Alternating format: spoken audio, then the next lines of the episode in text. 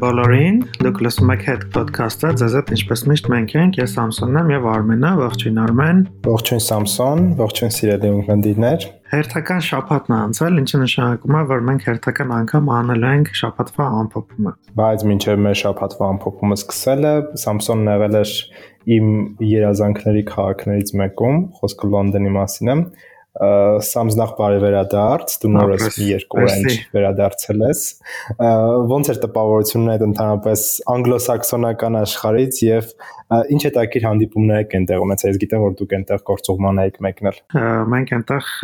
մեր փաստերի ստուգման թիմով հանդիպել ենք BBC լրագրողների, խմբագիրների, տեխնիկական թիմի եւ այլն, այսպես կարելի ասել ճանաչողական այց էր BBC, որ ժամանակ մենք շատ մոտիկից ծանոթացանք BBC աշխատանքին, ոնց են իրենք կազմակերպում իրենց աշխատանքը դե գիտեք երևի տասնյակ իրենք ծառայություններ ունեն եւ Անգլիայում եւ միջազգային Աֆրիկայում, Ռուսաստանում եւ այլն այդպես հետաքրքիր հանդիպումներ ունեցանք, թեժ քննարկումներ էլ ունեցանք, որովհետև մենք շատ սուր հարցեր էինք տալիս մանավանդ իրենց խմբագիրներին, որոնք որ պատասխանատու են BBC-ի այդ չեզոքության համար, մենք օրինակ կոնկրետ Արցախյան թեմայով շատ թեժ քննարկումներ ունեցանք ու հիմնական քննարկվելիքն էր, որ երբեմն չեզոքությունը իրականում սատարում է ագրեսորին։ Իրանք այդ ամեն ինչը ընդունում են, բայց ասում են, որ շատ sense PR լեզվով մեզ պատասխաններ էին տալիս, բայց ամեն դեպքում շատ լավ անցավ։ Ես Լոնդոնը շատ սիրեցի, չնայած կարծում եմ, որ մի քանի օր անցկացնելով շատ sense բարդ է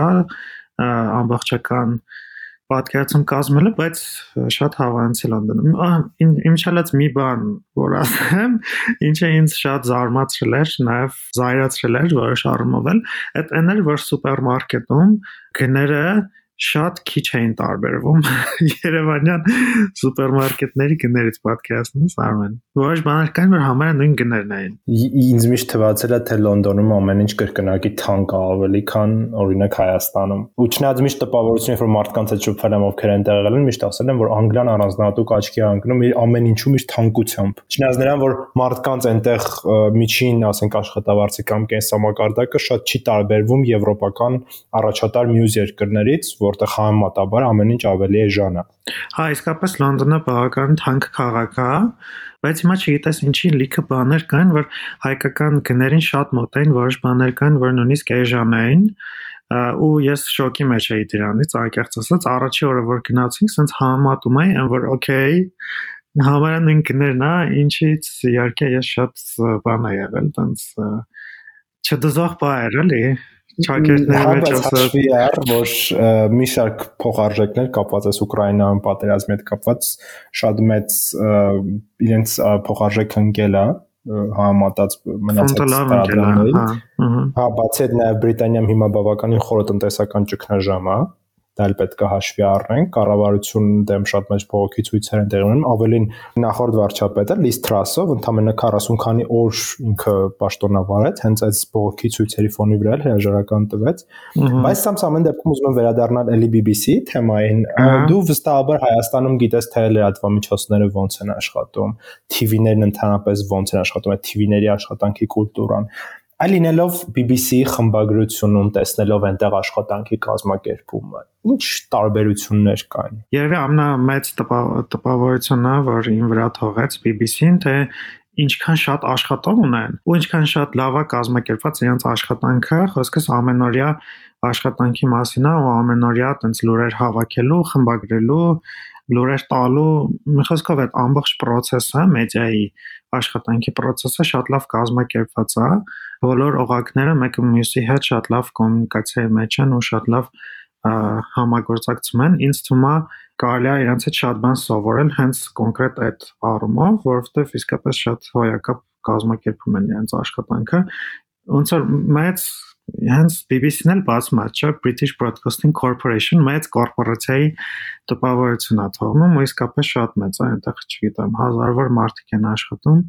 Երևի թե հենց այդ այդ այդ կնշեմ, որ ինձ շատ տպավորիչ էր։ Իմ չալած այնտեղ նաև հանդիպեցի, բարձվեց իմ Twitter-ում ինձ հետևող մարդկանցից մեկը BBC-ում է աշխատում ու ես որ Twitter-ում գրել էի, ինքը ինձ գրեց մի անգամից, ասաց, եթե ուզում ես, քեզ տուր կկազմակերպեմ, տենց եկավ դիմա հանդիպեցինք, ինքը աշխատում էր BBC արաբական սերվիսում, հա, իրենց բան ռեժիսորներից մեկն էր, այնտեղ տարավ ստուդիայում նկարեց, բան տենց շատ հավե շատ հավես տենց անսպասելի տուր եղավ։ Անտի շատ լավ է որ շատ պրոդուկտիվ այնտեղ ժամանակ եք ունեցել ու հաստատ այնտեղից այդ կարևոր օգտակար բաները բերել եք նաև դες այդ Հայաստան, այդ թեկուզ գաղափարների զուտ իմաստով։ Ամեն դեպքում առաջիկա րոպեներին Cielium կնդիներ ցես խնդրում ենք մնալ մեզ հետ, որովհետև մենք անդրադառնալու ենք շաբաթվա հիմնական թեմաներին։ Գնացինք հետաքնող լրագրողներից հետ podcast։ Արմեն չնայած նրան, որ ես Լոնդոն Լոնդոնում էի, միևնույնն է չկարողացա չհետևել լուրերին Հայաստանում տեղի ունեցող ես մտածում եմ դե հեսա կգնամ բան տենց ինչ որ կորսնական հանդիպումներ կլինի ու լուրերին քիչ կհետևեմ բայց արի ուտես որ այդ լուրերը եկան ինձ հասան բռնեցին ու ստիպեցին որ ես իրանց կարդամ ու երևի թե ամենաշատ քննարկված թեման այս շաբաթվա ընթացքում այդ հրաապարակի շենքի շենքերի զարդարելու այդ ու շենքը վնասելու պատմություններ երևի թե արդեն մեր ունկնդիրները լսած կլինեն, բայց նաև ուզուտ որպես փաստ ասենք, որ Երևանի քաղաքապետարանը նոր տարվա զարդարման համար նաև մանկական Եվրատեսիլի հետ համատեղությամբ այս զարդար զարդարությունները կազմակերպելու համար կազմակերպել էր Հայաստանի Հանրապետության հրապարակի այդ կառավարության շենքի վրա լուսավորության տեղադրում եւ այդ տեղադրումը անում էր Cinemark CP ընկերությունը այդ լուսավորությունները տեղադրելու համար ահագին վնասել են շենքը լուսավորության ենթակառուցվածք են, հա, ասենց ճակերտների մեջ դրել, որի համար որ ահագին շատ ծակեր են արել շենքի վրա Եվ քանի որ այդ շենքերը Թամանյանի կողմից նախագծված շենքերն են, հա, իրենք համարվում են մշակութային ժառանգություն եւ հետեւաբար նաեւ հատուկ պահպանվող միջոցառումներ պետք է կիրառվեն իրենց պահպանելու համար։ Ու այդ շենքերի վրա բազմաթիվ ծակեր են արել ու այս այս լույսերը տեղադրելու համար ինչը շատ մեծ արձագանք է առաջացրել, հա, ու նաև անկեղծ ասած քաղաքապետարանի եւ ԿԳՄՍ նախարար Վարամ Դումանյանի արդարացումներն էլ էին բավական абսուրդային, օրինակ քաղաքապետարանը նշել էր իրենց հաղորդագրության մեջ, որ ենթակառուցվածքների ապամոնտաժումից հետո կվերականգնվի շենքի արտաքին տեսքը ու այդ անցքերը լցնելու են, հա, գրված էր անցքերի լցման միջոցով իսկ ԿԳՄՍ նախարար Վարամ Դումանյանը անդրադարձել էր թեմային եւ ասել էր, որ խնդիրը քաղաքապետարանի դաշտում եւ քաղաքապետարանը խոսք է տվել 100%-ով վերականգնել, հա, մեջբերում եմ ասել է կլինի ճակ, կլինի անցք, քաղաքապետարանը կվերականգնի, բայց բնականաբար մասնագետները եւ պարտադիր չէ սա համար մասնագետ լինել հասկանալու համար որ այդ ծակերը որ հետո լցնեն, միևնույնն է դա 100%-ով վերականգնում չի համարվում էլի, ուղղակի ծակեր լցնում են, հետո այդ ծակերից ճաքեր են առաջանում, ծմերվա ընթացքում խոնավություն է մտնում, սառում են այդ ճաքերը, միգուցե մի տարի հետո մասնագետները նշում են, որ նոր տեսնենք իրական վնաս է շենքին հասցվեց, որտեվ իսկապես տոնց տուֆը չի կարող ինքնավերականգնվել էլի, քար է ու քաղաքապետարանը որ ընդդում են կվերականգնվի ամեն ինչ մի քիչ այդքան էլ իրականության չի համապատասխանում, սենց ահագին քննարկված այս թեման, ամբողջ շաբաթվա ընթացքում այս թեման շատ ակտիվ էր։ Փաստը մնում է փաստ, որ այդ հազարավոր ծակերը արել են ու այդ կապալառուն այդքան էլ պատասխանատու կապալառու չի այն առումով որ չեն մտածել շենքի շենքին չվնասելու մասին, այլ ընդհանրապես ընտրել են ամնահեշտ տարբերակը։ Վստահ եմ հաստատ կլինեն տարբերակներ լուսավորություններ տեղադրելու, որոնք որ շենքերը չեն վնասում, ասենք, չգիտեմ, հարյուրավոր տես շենքեր կան, որոնք որ պատմական նշանակության շենք են, որոնք որ լուսավորում ունեն ու առանց ծակերի լուսավորությունները տեղադրել։ Իրականում այս պատմությունը շատ մի տեսակ աբսուրդային է, ու այդ աբսուրդը սկսվում է ոչ միայն այդ լույսերը կախելու շրջանից, ինչպես են կախել, հա, դա, այլ ընդհանրապես այս process-ը սկսվելուց երևի մեր ունկնդիրները գիտեմ, որ մեկ անձի գնումով է ձեռք բերվել այս դուսավորման ծառայությունները, ինքը բավականին մեծ գումարի մասին է խոսքը, եթե չեմ սխալվում, խոսքը մոտ 650 հազար դոլարի մասին է, ու այստեղ հարց առաջանում, որ եթե ի սկզբանե որոշվել էր, որ այս Երևանի ընդհանրապես զարդարանք շուտ պետք է տեղադրվի, որովհետև մանկական Եվրատեսիլն է Երևանում անցկացվելու, ապա ինչի՞ չի դրա համար մրցույթը ավելի վաղ հայտարարվել եւ որ որ հետո արդյունքում մեկ անձից գնում չարվեր ու այդ մրցույթ լիներ եւ նորմալ կազմակերպություններ կարողանային դրա մասնակցել։ Հայավարի ամեն ինչ վերջի րոպեին են թողնում բնականաբար։ Հայավարի ամեն ինչ կամ հայավարի ամեն ինչ վերջի րոպեին են անում կամ էլ երևի, չգիտեմ, այս ծառայության հետ կամ այս կազմակերպության հետ ինչ որ Երևանի փոխքաղաքապետի ասած մութ ուժեր կան սրա հետ կապված փորձում են այս կազմակերպությանը իրենք այսպես ասած օգնեն որ հաղթի բայց սա հարցի մյուս կողմն է մի այլ տարօրինակ բան էլա կապված շատ ուժեղ տեղեկատվական պայքար է գնում այս լույսերի հետ կապված մասնավորապես իշխանական անդիմադիր թևերը բաժանվել են երկու մասի եւ այս արճակատումը ինքը հասավ այսպես ասած իր պիկին երբ որ իշխանական որոշ ներկայացուցիչներ սկսեցին տեսանյութեր տարածվել որտեղ երևում է Հայաստանի անդիմադիր հերոստանգերություններից մեկի օպերատորը ինչպես է մեխը սենց հանում պատի մեջ, չգիտեմ, դնում նկարում, հետելի մեխը դնում տեղը, ու այդ տեսանյութը դարձավ մի ամբողջ, այսպես ասած, քննարկման թեմա, որ այ տեսեք, թե ինչպես է կառուցվում այս լույսերի, այս զարդարանքի դեմ ամբողջ տեղեկատվական այդ արշավը կամ հակարշավը բaragայում։ Սա շատ ծիծաղելու է, որովհետեւ Ղազարյաններ տարածել այդ վիդեոն, չէ՞ սենց։ Սա շատ ծիծաղելու է, որովհետեւ այդ մի մեխի օրինակով փորձել այդ ամբողջ տեղեկատվական արշավ ցույց տալ, դա հավատացեք, իրոք անլուրջ է, ահա որ ու չգիտեմ թողնես այդ ամբողջ որ արվել է, այսինքն այդ ծակերը, այդ վնասը, որ հասցվել է այդ մշակութային ժառանգության դրա մասին չեն խոսում, բռնում այդ մի մեխի եւ մի այդ մի, չգիտեմ, վիդեոյի, այսպես ասած, հարց են քննարկում։ Դա եւս շատ աբսուրդ է։ Նաեւ այս կադրերը տենց ակտիվորեն տարածողներից մեկը կառավարության վարչապետի աշխատակազմի ղեկավարի տեղակալ Տարոն Չախոյանն էր Հա, այսինքն ով հայտնի է բավականին որ սունկ կայքեր է ինքը կառավարում եւ հենց այդ տեղեկատվական արշավի կազմակերպիչներից մեկն էլ ինքն է։ Այո, այդ կոռացիայով ինքն է զբաղվում ու իմ կարծիքով նաև շատերի կարծիքով էլ իսկապես ճիշտ ես ասում, որ ես հա, ասենք TV5-ի լրագրողը սխալ արել, տենց բան միգուցե պետք չէր անեն, բայց ամեն դեպքում այդ 8000 ծակը ինքը չի արել ու ոնց որ այս թեման շեղելու համար sense մի անգամից sense տեղեկատվական արշավ սկսվեց Լավ, ինչևէ ամեն դեպքում այն որ հրաապարակը գեղեցիկ է, այդ զարդարանքը բավականին գեղեցիկ է, դրա խոսք չկա այդտեղ բայց թե դրան ինչ գնով են, այսպես ասած, հասնում, ինչ գնով են ձեռք բերում, դա արդեն հարցի երկրորդ կողմն է ու ոչ պակաս է, որովհետև այդ ամեն ինչը մեր քաղաքացիների գրպանից է ծախսվում։ Ու ցանկացած լումա, ցանկացած դրամ, որը ծախսվում է քաղաքի բարեկարգման համար, պետքա լինի այսպես թափանցիկ եւ ոչ թե հայտարարվի, չգիտեմ, մեկ անձից կատարվի գնում առանց որևէ լուրջ հիմնավորման պատճառաբանության, մանավանդ որ դուք բավականին երկար ժամանակ ունեք այդ մրցույթը հայտարարելու համար եւ վերջում դրվի, ասենց ասած, հուշարձանի հերնանիցվի, հետո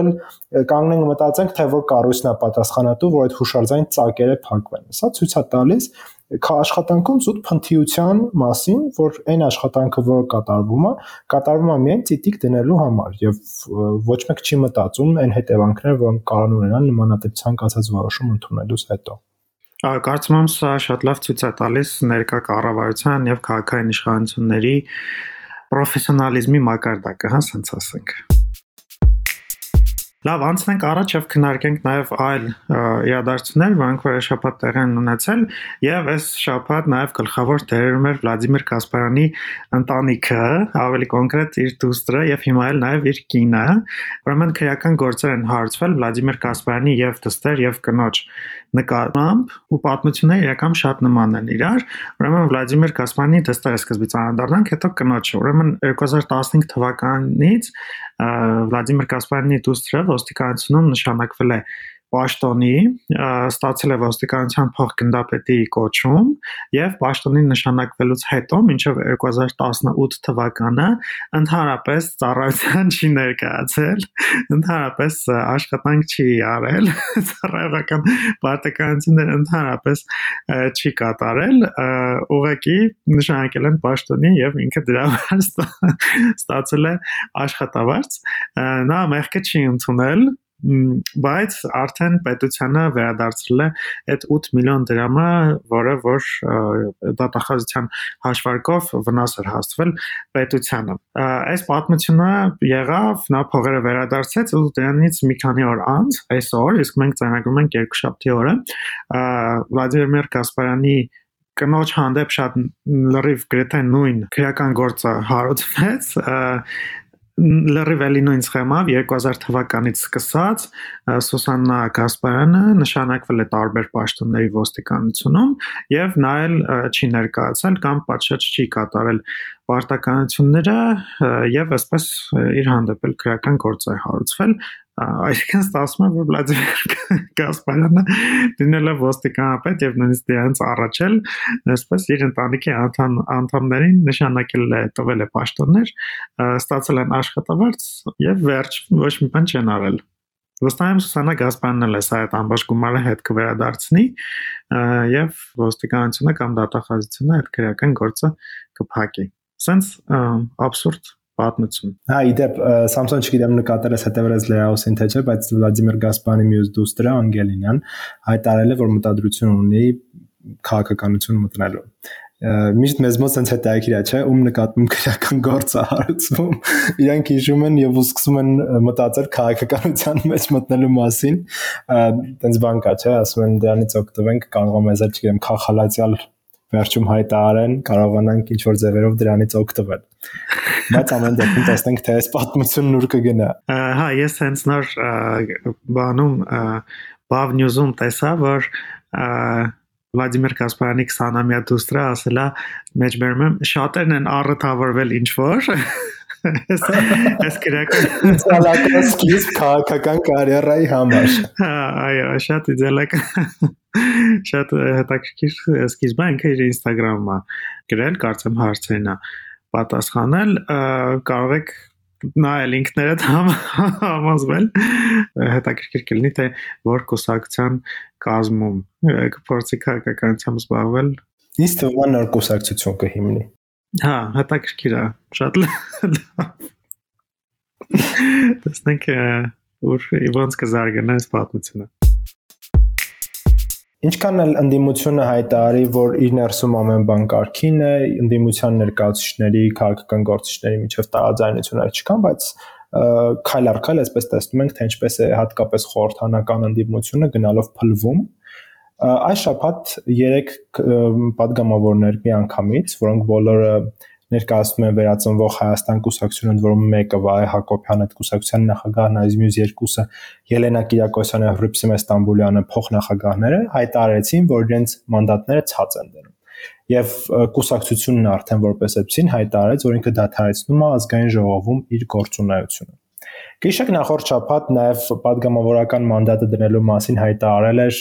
Արամ Վարդևանյանը եւ նշել, որ ինքը սկսելու է զբաղվել փաստաբանական գործունեությամբ այս կուսակցության մեկ այլ ներկայացուցիչ Աննա Գրիգորյանը ինքը հայտարարել որ մանդատը ցած չի դնում, բայց ինքը դուրս է գալիս կուսակցությունից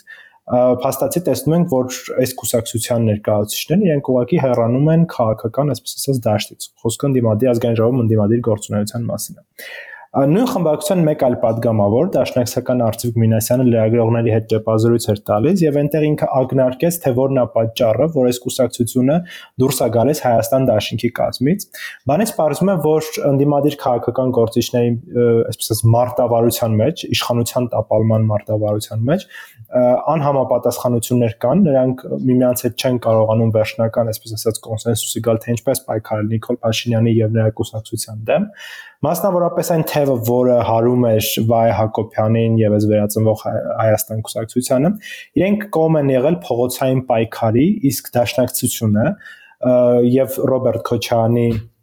մի քանի աջակիցներ, ովքեր որևէ այսպես քաղաքական բլոկին չեն պատկանում, այլ ուղղակիորեն առնչվում են երկրորդ նախագահին, իրենք էլ կողմ են եղել, որ վերադառնան ազգային ժողով եւ տեղում ազգային ժողովում այսպես ասած պայքար ծավալեն։ Փաստացի երկուսի գործունեությունն էլ մեծ հաշվով ինքը չէր այսպես ասած արդարանում, որովհետեւ ընդդիմությունը հաջողություններ չուներ եւ փողոցի փողոցում այդ փողոցային պայքարը բոլորս էլ ընդունում ենք, որ ընդդիմությունը տապալեց այդ ամեն ինչը եւ չկարողացավ ուղղակի ակտիվ պայքար ծավալել եւ հանրային մեծ, այսպես ասած, կոնսենսուս ձևավորել։ Նույնը նաև ազգային ժողովում մեծ հաշվով այն օրենսդրական նախագծերը, որոնք ընդունվում են, ընդունվում են ձայների մեծամասնությամբ, իսկ գործող քաղաքացիական պայմանագիր իշխող կուսակցությունը ինքը բավարար ձայներ ունի, որ այդ օրենսդրական նախագծերը առանց ընդդիմադիրների լուրջ, այսպես ասած, խնդիրների ստեղծման անցկացնի։ Փաստացի ստացվում է, որ խորհրդանական ընդդիմությունը պարակտվում է, պարակտումը օր-օրի ավելի է խորանում։ Եթե ընդդիմությունն սպառկնկալում էր, որ հեսա Նիկոլ Փաշինյանի կուսակցությունը կարող է տապալվել, հատկապես ընտրությունների այսպես ասած առաջ, որովհետև ոչ մեկ այդ ժամանակ վստահաբար չէր մտածում, որ Փաշինյանը կարող է վստահ հաղթանակ տանել։ Ամեն դեպքում հիմա նրանց պլաններն էլ ավելի է խախտվում եւ փորձը ցույց է տալիս, որ հենց ընդդիմությունն էլ ամեն շաբաթ նոր եւ նոր անդամներ է կորցնում, խոսքը падգամավորների մասին է։ և, եւ որևէ ռեալ արդյունքի նրանց պայքարը գոնե այս փուլում չի հանգեցնում մի քիչ խոսենք վիոլա ջրից ու ջրի սակագնից ստացվում է որ ջուրը թանկանալու է, բայց չի թանկանալու, բայց իրական թանկանալու է։ Եկեք հիմա բացատրեմ ոնց է դա ստացվում։ Ուրեմն Հայաստանում հունվարի 1-ից ջրի սակագինը կբարձրանա 8 դրամ 42 լումայով եւ 200 դրամից կդառնա 242 դրամ սոցիալապես անապահով բաժանորդների համար 2023-ին սակագինը կմնա անփոփոխ 180 դրամ ընդհանրապես ինչպես է որոշվում ջրի սակագինի այժանացումը, ավելացումը վեոլա ջուրը դիմա ներկայացնում հանրային ծառայությունների վերահսկման հանձնաժողով եւ կառավարությունը հետաբար որոշումը կայացնում կամ համաձայնել դիմումին կամ չհամաձայնել։ Այս դեպքում կառավարությունը հիմնական միշտ համաձայնում է, այդպես դեպք չեմ հիշում, որ վիոլա ջուրին ինչ-որ դիմում ներկայացնի եւ կառավարությունը համաձայնություն չտա եւ ելի հերթական անգամ չնայած նրան, որ վիոլա ջուրը բոլորս էլ գիտենք ինչ անպատասխանատու վարկադրսևորել ջրի Հայաստանում ջրի կառավարման ռեսուրսների վերաբերյալ տարիներ շարունակ, հա, ու շատ-շատ են բողոքները, մենք էլ հետքում սրա մասին շատ-շատ հոդվածներ ենք գրել ենք, լուսաբանել ենք, ու չնայած սրան միշտ համաձայնում է կառավարությունը, բայց սենց են ձևակերպում կառավարությունից, որ այդ սակագինը ինչքան է որ բարձրանա 842 դրամը կվճարի կառավարությունը այսինքն այնպես են ձևակերպում կարծես թե կառավարության բյուջեն չի ձևավորվում հարկատուների այսինքն մեր հաշվին հա դրա համար սկզբից որ ասացի կթանկանա բայց կմնա նույնը, բայց իրական կթանկանա, հենց այդ է նշանակում, որ իրականում կթանկանա, որովհետև կառավարությունը ասում է, չէ, չի թանկանա, նույնը կմնա մնացածը կվճարենք մենք, բայց վճարում են հարկերից ձևավորված բյուջեից, այսինքն այստեղ միանշանակ է, որ ջուրը կթանկանա ու էլի դա մեր հաշվին է, որովհետև մենք ենք վճարում հարկեր, բյուջեն մեր հարկերի շնորհիվ ձևավորվում Եթե դուք բողոքներ ունեք Վիոլայից, կարող եք միանալ մի հատ Facebook-յան խումբ կա Վիոլայի անպատասխանատու գործունեության վերաբերյալ կոչվում է Վիոլա ջուր ՓԲ գործունեության հարային վերահսկողություն այդ խմբում շատ տարբեր մարդիկ գրում են շատ իրենց հուզող թեմաներով ջրի որակի եւ ընդհանրապես ջրի սպասարկման ու այլ process-ների վերաբերյալ եւ եթե դուք կուզեք ակտիվ մասնակցեք այս հանրային ինչ որ կազմակերպմանը հանրային բողոքի մի մաս դառնալ, կարող եք միանալ։ Մենք Վիոլայից շատ դժգոհ ենք, ոչ միայն մենք, այլ հազարավոր մարդիկ հենց դրա համար էլ անդրադարձանք, որովհետև կարծում ենք շատ կարևոր է ջրային ռեսուրսները ցանկացած պետության համար կարևոր են ստրատեգիկ նշանակություն են ու այն որ Վիոլայի, այն որ այսպես ուղղակի հանձնել են Վիոլային ու Վիոլենը նման մոտեցումներ ունի, շատ ցավալի է։ Իմիջիալից մի բան ասեմ, Արմեն, մենք բոլորս միանգամից նկատեցինք, որ Լոնդոնում աղբահանությունը կազմակերպում է էլի Viola ընկերությունը։ Բոլոր նրանց համար, ովքեր որ չգիտեն, ասեմ, որ Viola-ն ֆրանսիական մեծ կորպորացիա է, որը որ ֆիլիալներ ունի տարբեր երկրներում եւ նաեւ փաստորեն Լոնդոնում էլ sense ինստաց գնում ենք մեքենայի մեջ, որ ասում եմ, վայ նայեք, այստեղ աղբահանությունը Viola-ն է կազմակերպում, տենց քննարկեցինք մի քիչ այդ։ Իսկ ուշադիր եղել եք նորմալ աղբանությունը կազմակերպում են, թե չէ։ Հա, հա, ոնց որ նորմալ էր, բայց դե կարծում եմ Լոնդոնի քաղաքային իշխանությունն էլ թույլ չէին տա վիոլային, որ ված կազմակերպեն աղբանությունը։ Մենք հույս ունենք, որ մի օր մենք էլ տենց իշխանություններ կունենանք, որ ցանկացած outsource-ի, իսկ այդ ծառայությունը մեր մոտ outsource արած է, ինքը կվերահսկողությունը շատ այն այն մակարդակի կլինի, որ որևէ ձևի կազմակերպություն չկարողանա, այսպես ասած, ոնց ուզի, այդպես էլ վարվի մեր ազգային ռեսուրսների հետ։ Այ ուղղակի բառացիորեն ջուրը ջրային կառավարման ամբողջ համակարգը տվել են Veolia-ին եւ Veolia-ն նման վարք ունի, ինչը անընդունելի է եւ մեր թողարկման վերջին լուրը հարաբերությունների վերականգնման մասին է։ Կհիշեք 2012 թվականին, երբ Հունգարիան ազատ արձակեց Ռամիլ Սաֆարովին եւ նրան արտահանձնեց Ադրբեջանին Հայաստանի Հանրապետությունը պաշտոնապես հայտարարեց, որ ինքը դադարեցնում է դիվանագիտական հարաբերությունները, սառեցնում է ավելի շուտ դիվանագիտական հարաբերությունները Հունգարիայի հետ եւ 10 տարի շարունակ մենք դիվանագիտական որևէ հարաբերություն չունենք եվրոպական այդ երկրի հետ։ Եվ հիմա Լեհաստանում հանդիպել են Հայաստանի արտաքին գործերի նախարար Արադ Միրզոյանը եւ Հունգարիայի արտաքին գործերի նախարար Պետր Սիարտոն եւ պայմանավորվածություն են ձեռք բերել, որ երկու երկրները պետք է սկսեն վերականգնել դիվանագիտական հարաբերությունները։ Ընդ որում սկզբնական շրջանում ռեզիդենտ դեսպաններ չեն նշանակվի, այլ կնշանակվեն ոչ ռեզիդենտ դեսպաններ, որ เป զի նրանք ուսումնասիրեն երկու երկրների միջև հարաբերությունների զարգացման հետագա այդ ընթացքը, այսինքն հասկանան թե ինչ ոլորտներում կարող են երկու երկրները խորացնել իրենց հարաբերությունը։ Ենթադրաբար արդեն որոշակի ժամանակ հատված անց երկու երկրները արդեն կունենան նաև ռեզիդենտ դեսպաններ եւ դիվանագիտական առաքելություններ։ Սա իրականում